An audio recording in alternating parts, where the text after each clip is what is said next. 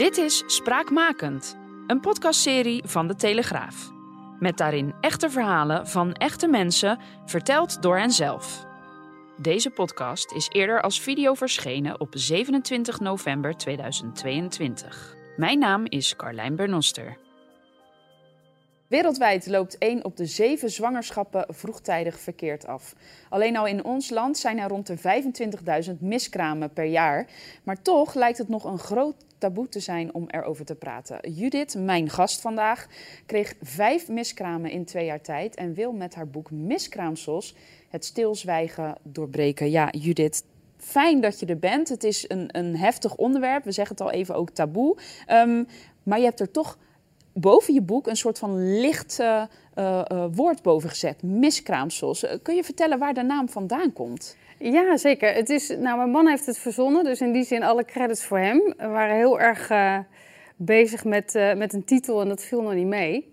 Uh, maar miskraamsels is eigenlijk een combinatie van hersenspinsels, uh, mindfucks, ook het, het, het, ja, het woord miskraam en dat bij elkaar gehusteld in een pot.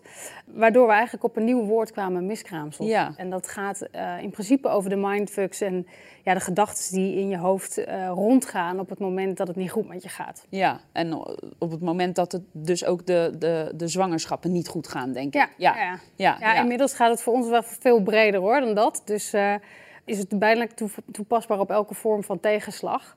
Maar ja, weet je, als het niet goed met je gaat of het loopt niet lekker, dan ja, kunnen soms je eigen overtuigingen en je gedachten een beetje de loop met je gaan nemen. Wat niet altijd klopt. En, en vandaar dus ook het woord miskraamsel. Nou, mooi gevonden. Dus complimenten voor je man.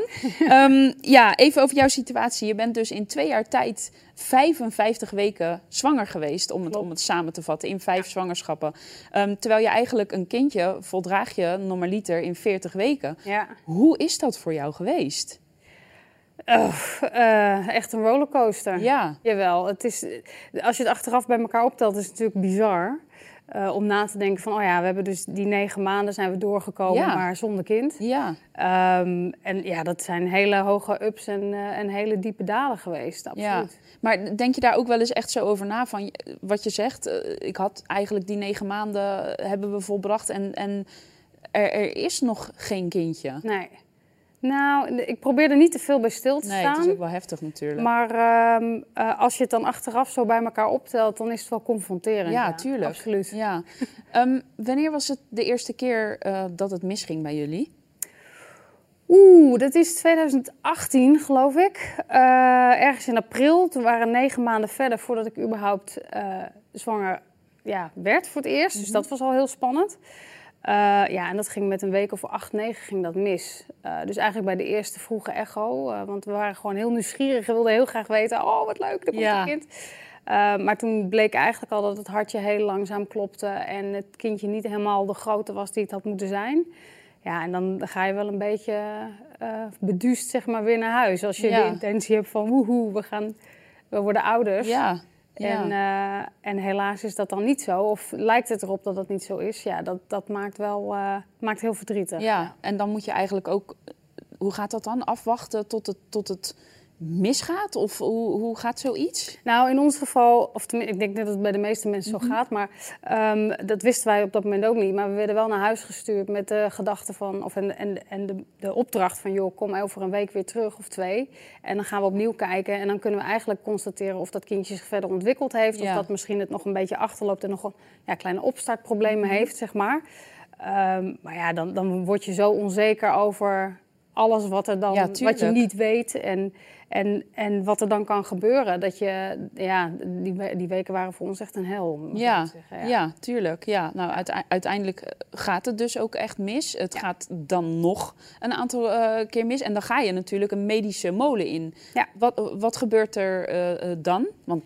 Nou, wij gingen al vrij snel de medische molen in. Omdat... Uh, we hebben in eerste instantie natuurlijk willen afwachten dat het mijn lijf zou ja. verlaten. En dat gebeurde niet. Uh, dus ja, daar begonnen zeg maar de eerste miskraamsels al. Ja. Uh, en op een gegeven moment uh, loop je daar rond. Je bent nog steeds zwanger. Je lijf geeft nog steeds alle signalen af. Maar er gebeurt dus niks. En je weet ook dat het niet goed is. Ja, ja dat, dat was echt geen leuke periode. Nee. dat we uiteindelijk wel de hulp hebben gezocht van... joh, we, we willen dit een beetje een zetje meegeven. Mhm. Ehm, want die natuurlijke weg, dat werkt dus niet. Eh, en dat bleek ook uiteindelijk aan mijn hele goede hormoonhuishouding te, te liggen. Ehm, en toen hebben we eigenlijk eh, de eerste stappen gezet via het ziekenhuis om ja, het op te wekken. Ja, dan En, krijg je, ehm, is dat eh, curettage heet dat volgens mij? Of, of je krijgt een... Ja, dat is nog een stap verder. nog een stap Ja, verder, Maar oké, in- ja. wij hebben het in eerste instantie met medicatie geprobeerd. Want ja. ik ben al wat ouder en we hadden zoiets van... joh, we wilden niet het risico lopen dat je je baarmoeder beschadigt. Nee, of, dat je dan Ja. de kans op zwangerschappen nog kleiner Ja. maakt. Eh, dus wij wilden het zo natuurlijk mogelijk laten verlopen.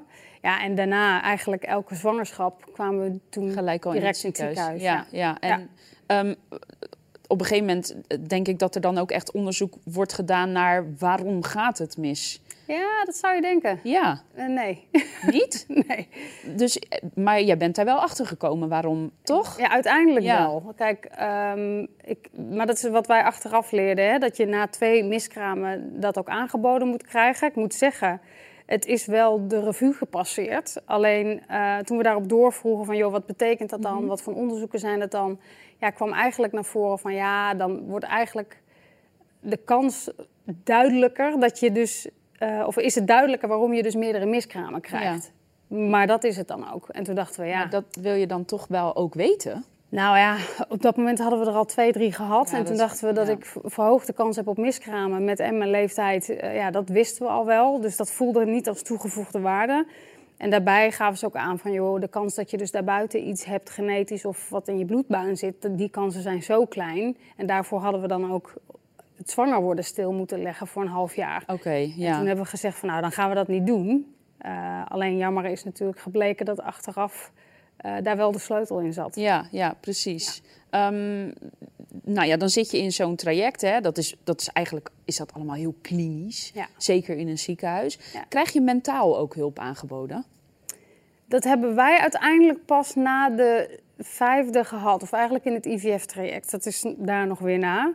Ehm, dus nee, we, hebben, we zijn in eerste instantie in een regulier ziekenhuis geweest. En daar werd dat gewoon nagenoeg niet aangeboden. Wisten we ook niet dat dat kon. Eh, na de vierde eh, was ik mentaal behoorlijk eh, in een dip. Dus ben ik zelf hulp gaan zoeken. Mhm. En ehm, gelukkig ook gevonden in de vorm van een, een zelfstandige miskraambegeleidster. En ehm, daarna ben ik eigenlijk wat standvastiger geworden in van... oké, het vertrouwen in dat reguliere ziekenhuis heb ik op dit moment niet meer. Dus ik wil naar een privékliniek. Ja. En daar kwamen we in één keer heel snel achter allerlei dingen dat ik dacht... huh, hoe kan dit nou? Ja. Ehm, want daar kwamen we ook achter die auto-immuunziekte. Maar ja, werden we ook meteen weer verder doorgeleid naar een academisch ziekenhuis. Ja, en dat is toch ook wel weer een hele andere beleving, zeg maar, eh, per ziekenhuis. Ja. Ja. Nou zeiden we natuurlijk, het, het is ook een taboe om erover te praten. Denk je dat dat ook meespeelt? Waar, dat als het ziekenhuis, stel het ziekenhuis zou wel zoiets aanbieden, is de Ja. drempel dan ook lager om er openlijk over te Oh, praten? absoluut. Ja. Ja, ik denk het wel. Kijk, ik, ik denk sowieso, eh, maar daar hadden we het natuurlijk al even kort over. Maar ik zou het denk ik fantastisch vinden als in welke vorm van traject je ook zit. Of het nou IVF is of, of een miskraam of eh, een, een ziektetraject of een amputatie, ik noem het maar. Eh, daar ga je niet alleen doorheen. Dus het is niet alleen jij Ja. en de patiënt die, die ergens last van heeft, maar het is ook het gezin, het zijn Ja. de familieleden, het is je partner. En eh, ik het zou een enorme aanvulling zijn, denk ik, op het zorgstelsel. Dat je ook in die trajecten gewoon direct eigenlijk begeleiding kan krijgen van iemand die je gewoon bijstaat. Om af en toe even bij jullie in te checken als stel van... hé, hey, Ja. hoe gaat het? Ja. Redden jullie het nog samen? Waar lopen Ja. jullie tegenaan? Eh en ook in dit geval mijn partner, waar loopt hij tegenaan? Eh, want daar hadden wij echt een hele andere verwerkingscurve. En merkte ik dat op het moment dat hij het nodig had... Ja, dat eigenlijk nog steeds alle aandacht naar mij toe ging. Ja, en dat, dat- is een beetje jammer, denk ik. Ja, is dat, eh, ja, dat lijkt me inderdaad heel lastig. En zeker ook dat je even, weet je, je, hebt samen iets heftigs meegemaakt. En eigenlijk is de focus puur Op op, mij. op jou. Ja. Ja, Ja. dat is inderdaad heel, heel, heel moeilijk. Ehm, als we dan kijken naar wat, wat heeft jullie er doorheen gesleept? Is dat, is dat eh, veel praten erover? Oeh, ja, dat, ik denk dat sowieso. En nu eh, zitten mijn man en ik allebei in een beroep waar eh, vaak een eh, beroep wordt gedaan op ons reflecterend vermogen. Dus we houden ons heel erg bezig met de ontwikkeling van leiderschap. Ja, Dus ik denk dat dat een hele grote pre is geweest bij ons om continu bij elkaar in te blijven checken. Openlijke vragen te blijven stellen. Hoe gaat het met je? Waar zit je? hoe voel je je? En daar ook proberen oordeelloos in te zitten, want je Ja. hebt natuurlijk je eigen proces Ja. daarin. Ehm, om maar continu die connectie te blijven houden met elkaar. Ja, en ik, ik denk dat als je dat niet hebt, of je weet niet hoe dat moet, of eh, je hebt daarin ook geen begrip voor elkaar, ja, dan wordt het wel een hele lastige, Ja. ja. wordt een lastig verhaal. Ja, ehm, wat moet er volgens jou veranderen? Dus dat is ook een lastige vraag, denk ik. Oeh, Moeten wij als vrouwen, hè, misschien eh, moeten wij als vrouwen ook als, het, als er zoiets gebeurt, gewoon ook wat, wat eerlijker zijn en misschien ook wat meer aan de bel trekken en er ook voor elkaar zijn. Dus niet alleen op het moment dat het even gebeurt vragen van joh, hoe gaat het met je, maar ook gewoon drie maanden, vier maanden, vijf maanden later. Ja. Of misschien op de datum dat je uitgerekend zou zijn, even vragen van joh, hoe gaat het met je vandaag? Is dat, is dat ook een ding om dat taboe misschien te doorbreken? Nou ja, ik, ik denk ook wel, ik- wat je goed en mooi zegt, is ook het stukje oog voor elkaar. Weet Ja. je wel, in de hedendaagse tijd, weet je, iedereen leeft af en toe maar met oogkleppen op en alles moet maar perfect zijn. Ja, En eh, ehm, het is niet altijd perfect, weet je. Niemand heeft een ideaal leven en iedereen heeft te maken met tegenslag en shit en gedoe. En, ehm, en dat wil ook niet zeggen dat je er continu in moet blijven hangen, want daar kom je denk ik ook niet verder mee.